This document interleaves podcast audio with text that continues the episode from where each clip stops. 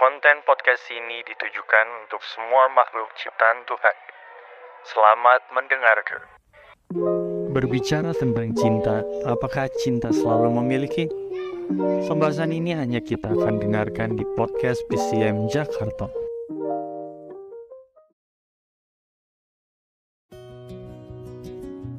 Selamat pagi, selamat sore, selamat malam para pendengar podcast PCM. Baik lagi di episode PCM kita hati-hati dengan hati. Dan di sini kita sudah bersama dengan narasumber namanya adalah Pendeta Nixon Moniaga. Nah, kita langsung kenal saja. Halo Pak Pendeta. Halo, selamat pagi, selamat siang, selamat malam. Nah, pas nih kita sudah kedatangan narasumber yang siap mengupas lebih detail lagi dari episode kita yang sebelumnya. Tapi sebelum itu kita harus kenalan dulu dong sama narasumber kita. Boleh uh, Pak Pendeta perkenalkan diri, biodata apa pun yang Pendeta mau kenalkan kepada para pendengar kita. Oke, baik perkenalkan nama saya Pendeta Nixon Muniaga, STH MPhil dan pada saat ini saya melayani di gereja masih masih Advent hari ke-7 Warakas Tanjung Priuk. Saya memiliki seorang istri dan tiga orang anak, dua perempuan, satu laki-laki. Oke, nah kita sudah mendengar dan tadi pendeta Nixon ini sekarang lagi ada di Jemaat Warakas pas nih sama sama aku yang lagi menuntun jalannya podcast kita dan Pak Pendeta ini dikenal dekat dengan anak-anak muda. Jadi pasti banyak pengalaman yang akan dibagikan, di-sharing, apalagi tentang cinta nih, yang akan dikupas lebih detail. Jadi tanpa berlama-lama kita langsung masuk ke pembahasan nih. Yaitu kalau dari uh, pandangan Pak Pendeta sendiri nih, cinta itu apa sih? Uh, bagi saya menurut pandangan pribadi dulu ya bahwa cinta itu adalah ungkapan isi hati yang sangat tulus yang ditujukan yang pertama kepada pencipta kepada Tuhan. Dan kedua kepada sesama manusia dalam konteks secara umum. Dan cinta itu dapat dilihat dari gerakan dari tindakan perbuatan sehari-hari. Hmm, tadi bilang sehari-hari itu. Jadi pasti kita semua nih kan banyakkan anak-anak muda nih yang dengerin podcast ini. Di kehidupan sehari-hari tentu kita bisa ngeliat banyak pengalaman, banyak kejadian di depan mata kita sendiri atau bahkan kita sudah mengalaminya. Ya kan? Nah, jadi aku mau tanya, kadang kehidupan kita ngelihat temen kita itu ada yang kayak dia jalan barengan terus pokoknya barengan tapi dia kayak bukan pacaran. Bukan pacaran bukan pasangan kayak TTM gitulah. Jadi punya teman ke mana-mana bareng berdua cowok cewek. Cowok cewek ke mana-mana bareng berdua terus kadang uh, gandengan, rangkul. Nah, kalau dari pandangan Pak Pendeta sendiri, kalau kayak gitu, gimana sih Pendeta dimaklumin atau kayak gimana nih? Oke, okay. uh, eh, di satu sisi orang bisa menerimanya, tetapi di sisi yang lain di dalam mencari teman hidup atau memilih teman hidup itu kurang pas, karena ketika kita tidak ada hubungan apa-apa, tidak ada hubungan rasa cinta, tetapi pertemanan dan itu seperti tidak bisa terpisahkan. Itu telah membatasi, memegari kita bahwa kita itu tidak bisa dicintai oleh orang lain. Padahal kita mau dicintai sebenarnya cuma kita uh, di dalam pertemanan ini kita lupa bahwa apa yang kita anggap itu hal yang biasa itu telah menjadi penghalang bagi orang lain yang tadinya mau jatuh cinta tapi akhirnya wah bagaimana saya mau dekat dengan orang itu? Ada pacarnya? Padahal belum. Itu bukan pacar hanya teman aja. Jadi perlu ada uh, pembatasan. Di waktu-waktu mana bisa berjalan berduaan karena ada pekerjaan atau ada kegiatan bersama, tetapi harus juga membuka diri bagi orang lain untuk bisa masuk sebagai teman yang pada akhirnya orang bisa jatuh hati dan akhirnya mengungkapkan rasa cinta seperti itu. Hmm, nah, kita udah dengar tuh. Jadi kita harus membatasi diri lah, kasih batasan. Jadi bagi para pendengar yang kehidupannya suka jalan berdua atau pas rame-rame itu kalian melakukan uh, rangkul teman kalian mesti ada suatu pembatasan. Nah berikutnya yang aku mau tanyakan nih pendeta. Kan kita beda generasi nih.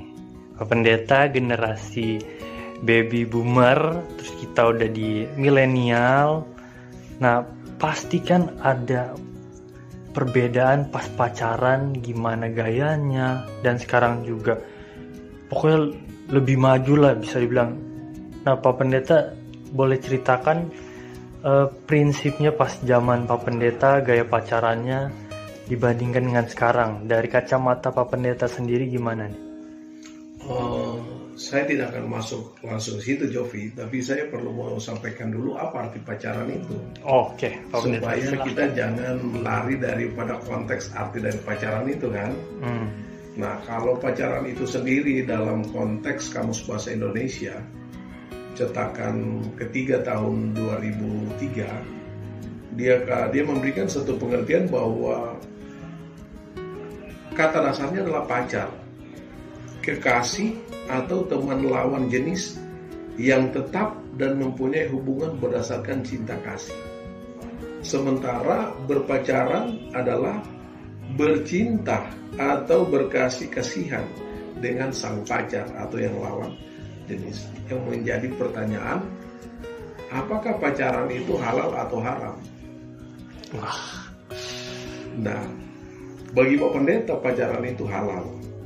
Namun, uh, apakah di zaman Pak Pendeta pacaran itu sama pemahamannya dengan sekarang yang lebih agresif, baik dari uh, pacar kita atau dari kita sendiri sebagai pacar dari lawan jenis?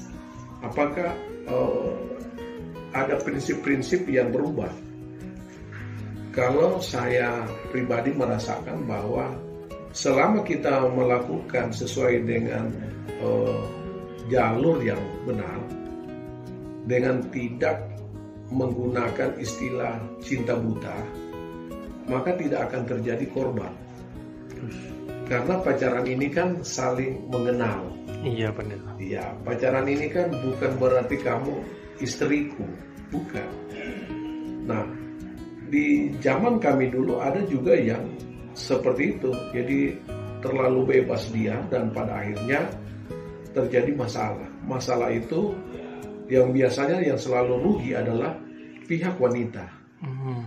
Ya, jadi pacaran lewat batas karena menggunakan malam sampai larut malam dan kalau dua jenis yang berbeda ini ketemu kan positif negatif semakin dingin ini kan semakin berbahaya. Uh, dengar tuh. Iya, semakin berbahaya. Jadi waktu kita pacaran ya seharusnya tidak seperti itu. Nah, waktu Pak Pendeta pacaran, Pak Pendeta justru maaf kata bahkan pernah pacaran itu lebih dari satu. Hmm.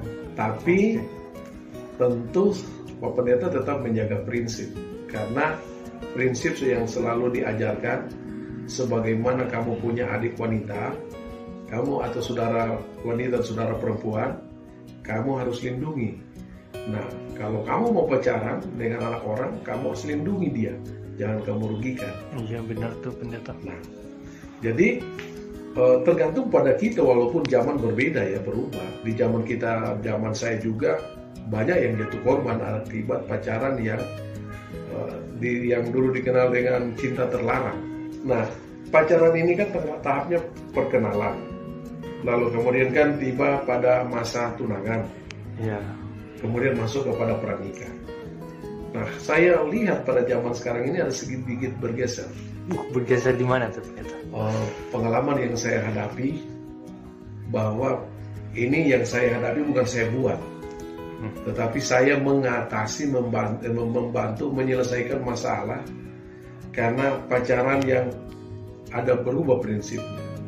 Apa itu? Pada zaman sekarang dan bukan pada zaman sekarang. Di zaman era Pak Pendeta juga sudah ada itu terjadi. Hmm. Bahwa tidak enak kalau pacaran kalau tidak hubungan intim.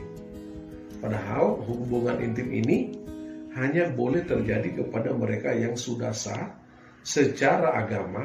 Kalau dia Kristen secara gereja, kalau dia dari Muslim secara KUA, secara capil atau tercatat di uh, kependudukan catatan sipil sah secara negara, baru boleh melakukan hubungan intim. Kalau sekarang enggak.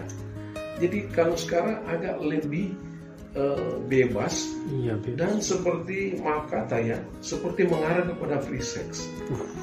kalau nggak berhubungan intim nggak hubungan badan ah nggak pacaran bahkan kita bisa ngobrol kepada teman kita wah aku pacaran dengan dia iya bangga gitu iya bangga aku udah tiduri dia cara wah pokoknya semua saya sudah nikmati.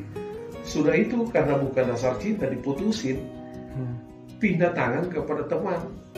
Bergilir jadi bergilir. Aduh. Nah itu prinsip yang berubah sekarang nah kepada sahabat-sahabat wanita atau anak-anak gadis jangan seperti itu. Anda akan rugi. Kenapa? Kalau wanita kan istilahnya sekali jatuh susah dia bangun. Tapi kalau laki-laki kan sekali dia jatuh mau seribu kali dia jatuh tetap seribu satu kali dia berdiri tetap laki-laki nah jangan terjadi apalagi kalau fatal sampai tidak terkontrol dan pada akhirnya uh, terjadi pembuahan atau terjadi kehamilan di saat pacaran. Dan itu bukan sedikit terjadi. Pada akhirnya cari dokter, gugurkan, dan itu punya dampak negatif bagi kesehatan sahabat-sahabatku anak-anak gadis. Jadi ternyata untuk waktunya sendiri itu lebih uh, bagus di jam berapa tuh pendeta? Baik, jadi saya akan bacakan satu kutipan yang saya kutip dari buku yang berjudul Pikiran Karakter dan Kepribadian yang ditulis oleh seorang warga Amerika yang bernama Ellen G. White. Nah, ada efek samping kalau kita waktu pacaran sampai jauh-jauh malam. Dia katakan begini, Duduk berpacaran sampai jauh malam sudah menjadi kebiasaan, tetapi hal itu tidak menyenangkan Allah, walaupun kamu keduanya adalah orang Kristen. Jam-jam yang tidak pada waktunya ini merusak kesehatan, membuat pikiran tidak bugar untuk melakukan tugas-tugas hari berikutnya, dan mempunyai penampilan si jahat. Saudaraku, saya harap engkau mempunyai cukup rasa harga diri untuk menjauhkan diri dari berpacaran seperti ini. Jika pandanganmu tertuju kepada kemuliaan Allah, maka engkau akan melangkah dengan sangat berhati-hati. Engkau tidak akan menderita sentimentalisme, sakit cinta yang membutakan pandanganmu, sehingga engkau tidak bisa melihat tuntutan Allah yang tinggi daripadamu sebagai orang Kristen. Ada di halaman 354. Jadi di sini tidak dibuat jam berapa, tetapi kan anjuran daripada kesehatan. Waktu istirahat kita kan sebaiknya jam 9, jam 10. Iya. Ya kalau memang kita bertamu kepada gadis, tidak mungkin kan gadis yang bertamu kepada kita. Kita orang timur kan. Kita berbicara gaya orang timur. Tapi kalaupun kita bawa gaya orang barat, ada satu hal yang gentleman. Harus kita kasih tahu sama orang tua kita bahwa saya lagi berteman dengan gadis nama ini. Orang tuanya ada di sana. Dan kita sebagai laki-laki Kristen yang gentleman, kita harus berkenalan dengan orang tuanya. Karena pacaran kan bukan berarti harus memiliki. Yopi ada satu konsep. Cinta tidak selamanya memiliki bisa saja di dalam hubungan orang-orang muda bisa saja tidak jadi oleh karena sesuatu dan lain hal. Bisa saja waktu pacaran beberapa bulan putus karena ada perbedaan. Iya. Mungkin kita nggak larut malam atau jam 10 kita sudah pulang. Kalaupun kita agak terlambat kita harus jujur. Kasih tahu sama orang tuanya minta maaf. Namanya si A contohnya minta maaf terlambat pulang kami masih di jalan karena jalan macet berbicara suasana di Jakarta kan kita harus kasih tahu supaya orang tuanya nggak bingung itulah orang Kristen yang sejati tapi kalau kita mengaku orang Kristen kita pacaran kita mau mencari untungnya artinya aduh saya harus cium dia saya harus eh, segalanya saya harus dapat maka kita seorang yang jahat karena hanya memikirkan keuntungan kita. Nah, di dalam berpacaran ini kan ada tahap dan sebaiknya berpacaran itu tidak butuh terlalu lama juga. Tidak butuh kalau memang kita sudah mapan karena tentu ada istilah dari masyarakat Jawa. Apa Kita Pak? harus mulai melihat bibit, bebet, dan bobot gitu kan. Nah berbicara bibit kan kita harus tahu bagaimana latar belakang keluarga dari pasangan kita. Bisa saja contohnya dia punya genetika ada penyakit yang menurun contohnya. Kita harus siap kalau saya mau pacaran dengan dia sudah pacaran lalu sudah jatuh cinta lalu pada akhirnya mau menikah apakah saya siap karena saya harus pelajari kan keluarganya Iya. di keluarganya contohnya ada garis keturunan yang tidak punya keturunan. Nah, apakah siap? Karena dia di dalam eh, bisa saja pada keturunan keempat atau ketiga keempat dan kita pas berada di posisi itu atau eh, pacar kita atau nanti jadi tunangan kita di posisi itu bisa saja tidak dapat keturunan. Hmm. Atau contohnya, dia ada garis keturunan albino. Saya sudah jatuh cinta. Bersediakan kita berterima kan ketika anak kita pas jatuh pada giliran ge- genetik itu turun Turun. Dan anak kita albino. Apakah bisa kita berterima? Nah ini dari bibit, Oke. Ya kan? Bibit. dari bibit. Lalu kemudian dari eh, bebeknya, bagaimana budayanya, bagaimana pergaulannya, hubungan dia dengan masyarakat, gitu kan? Apakah berkenan dengan saya? Kalau dia mungkin agamanya berbeda, apakah bisa cocok dengan saya? Dan dalam masalah itu jangan lupa Alkitab juga sudah memberikan satu satu peringatan di dalam buku Alkitab kita, kitab orang Kristen ya. Di dalam Amos 3:3 berjalan kedua orang bersama-sama jika mereka belum berjanji. Nah, ini harus diperhatikan. Jangan-jangan karena hanya dasar cinta tidak tahu yang satu ini dia teguh pada pendirian, kita teguh pada pendirian, pada akhirnya tidak jadi. Itu saya katakan tadi cinta tidak selalu memiliki. Oke. Lalu bobotnya kita juga harus perhatikan. Kita yang jenjang pendidikan kita contohnya S1, kalau bisa kita mengambil pasangan yang setara lah selevel S1. Supaya cara berpikir kita seimbang. Kalau kita S1 kita ambil SMP, itu kita menderita sendiri. Jauh kan Jauh. ternyata. Nah, Apa yang kita mau, kita maksud dia nggak tangkap. Iya. Tapi kalau dia SMA, biarlah dengan SMA. Supaya cara berpikir itu sama. Ya minta maaf bukan bukan memberikan satu eh, panis ya bahwa oh, harus begini. Itu pilihan kepada Iya. masing-masing kita. Pilihan. Ya. Lalu ada lagi satu Eh, berbicara tentang bobot. Tentu latar belakang pendidikan juga itu harus di disepakati, harus dilihat. Jangan kita memaksakan. Dan biasanya orang yang punya bobot dia tidak ego, dia akan memahami orang lain dan dia selalu bisa berpikiran positif. Dia tidak melihat dari sudut kekurangan, tetapi dia akan selalu melihat yang lebih. Seperti itu, Jomi. Oke, kita udah dengar nih dari waktu yang dianjurkan sampai bibit bebet bobot udah kebahas tuh beberapa materi udah langsung kejelasin nih sama pendeta Nixon. Nah sekarang kita lanjut yang biasa kita dengar nih di uh, antar-antar kita itu ada sebutannya cinta buta.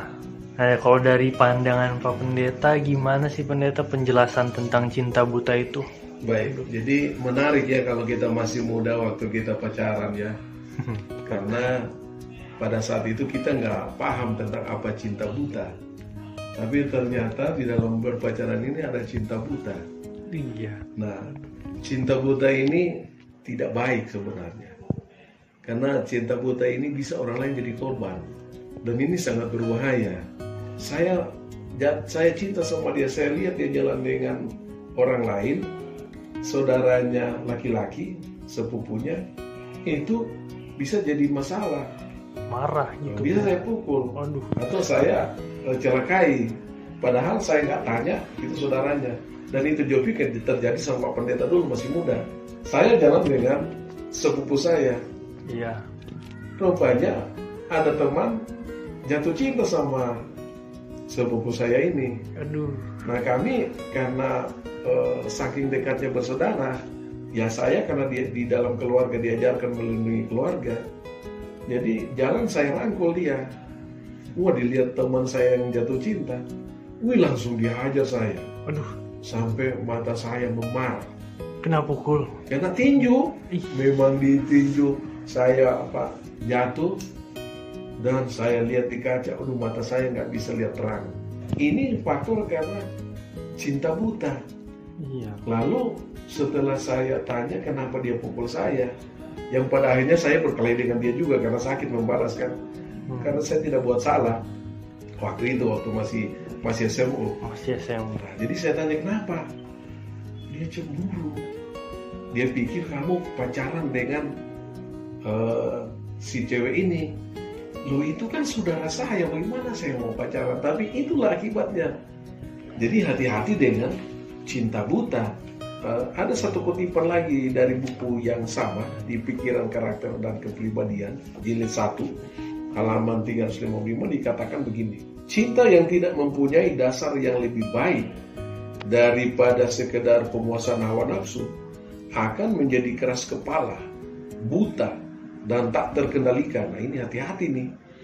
Kehormatan, kebenaran, dan segala kemampuan pikiran yang mulia dan meninggikan ditundukkan di bawah perbuatan hawa nafsu.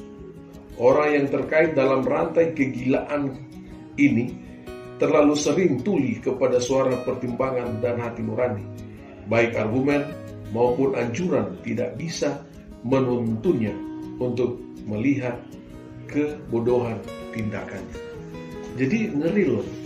Ini baru-baru kan Jopi heboh kan? Yang anak pejabat perpajakan Oh iya iya benar. dia pukul anak dari apa dari ansor dan akhirnya kan bermasalah apa itu yang penyebabnya cinta buta karena diputusin sama si cewek kalau nggak salah ya yang saya dengar seperti itu tapi ada banyak kejadian seperti itu. Jadi hati-hati loh. Jangan sampai ada cinta buta. Kalau kita sampai jatuh cinta lalu kita eh, menganggap bahwa dia sudah milik saya padahal masih pacaran hati-hati. Karena ada tahapan kan? Saya mau lanjut dari pacaran jangan ada cinta buta batasi jarak. Kalau di kutipan yang lain itu ada ditentukan jarak 1,5 meter ya. Tapi kan sekarang kan orang bilang wah itu sudah nggak beres itu nggak wajar ya. Social distancing tuh. Iya. Jadi kalau menurut pendeta nggak apa-apa. Yang penting tahu normanya, tahu batas-batas mana yang wajar, mana yang tidak wajar. Seperti itu. Dan harus punya prinsip. Kalau memang kita sudah jatuh cinta dan sungguh-sungguh dan kita sudah jalan masa masa pacaran, mungkin satu tahun, dua tahun, tiga tahun, bahkan ada lima tahun, bahkan saya pernah menemukan 17 tahun loh pacaran. Iya pendeta. 17 tahun. 17 tahun, 17 buset. tahun. Sweet Seventeen. Ya. Lalu kemudian eh, karena sudah lama aja mereka katakan datang kepada saya Pak Pendeta, boleh kami mau konseling? Oh, boleh dengan senang hati. Ketika mengikuti tahapan konseling kan itu ada sesi 1, sesi 2, sesi 3 sampai sesi 6. 6 sesi. 6 sesi. Dan ada sesi yang terakhir, sesi yang ketujuh setelah minimal 6 bulan menikah. Oh, jadi review apa gimana tuh Pak? Oh, enggak mengulangi melihat Oh, melihat. apa hasil daripada keenam sesi yang sudah dilalui ini bisa diterapkan enggak? Hmm, ya ya. Nah, tapi jangan lupa loh, walau bisa saja 17 tahun pacaran, bisa gagal di konseling. Kenapa? Karena dari konseling ini bisa ketahuan siapa saya, siapa dia. Dan biasanya ada karakter-karakter yang buruk itu tidak muncul.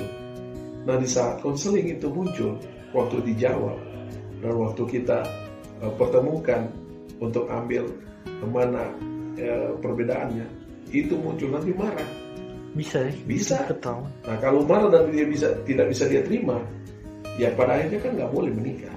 Hmm. Nah itulah sebabnya jaga perasaan karena sudah pacaran, sudah ketunangan belum tentu bisa menikah. Nah kalau kita sudah rengut kesucian dia, Iya, kasihan dia kan. Iya. Bersyukur orang yang mau menikah dengan dia mau terima apa adanya. Hmm. Tapi kalau dia katakan, wah pas malam pertama kamu sudah nggak suci nggak perawan, ada itu terjadi tuh Sakit itu. sakit dan dia nggak mau tidur dengan istrinya. Ada pria yang seperti itu. Jadi supaya itu tidak terjadi, kita yang pria-pria milenial jangan kita korban karena yang kita tonton. Hmm. atau yang kita lihat di eh, aplikasi-aplikasi yang muncul di HP kita yang itu berbau negatif yang merangsang otak kita untuk kita berbuat. Karena sesuatu yang kita tonton itu susah untuk hilang. Dan pada akhirnya kita terapkan pada pacar kita. Kita menang tapi kasihan pacar kita nah kalau memang sudah siap bawa tunangan. Dan pada akhirnya kalau memang cocok dan direkomendasikan oh dari hasil konseling wah bagus. Hasil nilainya di atas 5 60% silahkan menikah. Oke. tapi kalau dia hanya di bawah 50% sebaiknya jangan. Ada wanita lain ada pria lain yang lebih layak bagi anda. Seperti itu Jovi. Oke. Terima kasih. Jadi kita udah sama-sama dengerin. Udah ketambah nih. Kayaknya kita belum pernah denger di podcast mana pun yang ngebahas tentang konseling seperti ini. Jadi mohon jadi catatan buat para lelaki yang mendengarkan ini harap dijaga pasangannya, teman ceweknya jangan sampai kejadian. Sepertinya cukup sampai di sini dulu Pak Pendeta untuk sesi kita kali ini. Dan sebelum kita akhiri, mungkin ada statement penutup yang ingin Pak Pendeta sampaikan kepada para listeners podcast PCM Jakarta. sahabat-sahabatku orang muda baik yang cowok atau pria dan wanita tentu mari kita jalani langkah-langkah pergaulan kita ketika kita mau berpacaran yang pertama tentu kita harus lakukan proses pendekatan jangan kasar jangan eh, menggunakan cara-cara yang tidak benar Kemudian kita dekati dengan cara yang memberikan keuntungan bagi dia dan bagi kita. Lalu yang kedua, kita perlu mengadakan pengenalan. Pengenalan dari diri kita, pribadi kita, kita perlu kenal pribadi dia. Dan yang ketiga, apabila kita sudah jalani pendekatan, kita sudah eh, dekat dengan dia, kita sudah kenal kepribadian dia, maka kita bisa tiba pada akhirnya itu menjalani hubungan yang eh, efeksi, yang eksklusif. Nah kalau ini sudah kita jalani, percayalah bahwa kita tidak akan disalahkan di hadapan sesama, kita tidak akan disalahkan di hadapan Tuhan, dan kita menjadi orang yang berbahagia karena kita tidak salah di dalam menjalani kehidupan masa muda. Jangan lupa bahwa Tuhan akan menuntut kita sebagai orang-orang muda. Baik, terima kasih Pak Pendeta sudah menyampaikan nasihat-nasihat di mana memang itulah kondisi yang terjadi sekarang ini. Permasalahan anak muda khususnya. Jadi, biarlah kita boleh mengingat apa yang tadi sudah disampaikan sehingga kita boleh menjadi kumpulan orang muda yang berjalan di jalan yang benar.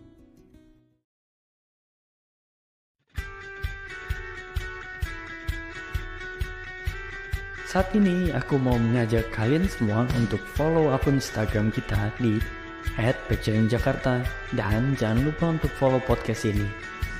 Hari Minggu bersih-bersih. Cukup sekian dan terima kasih.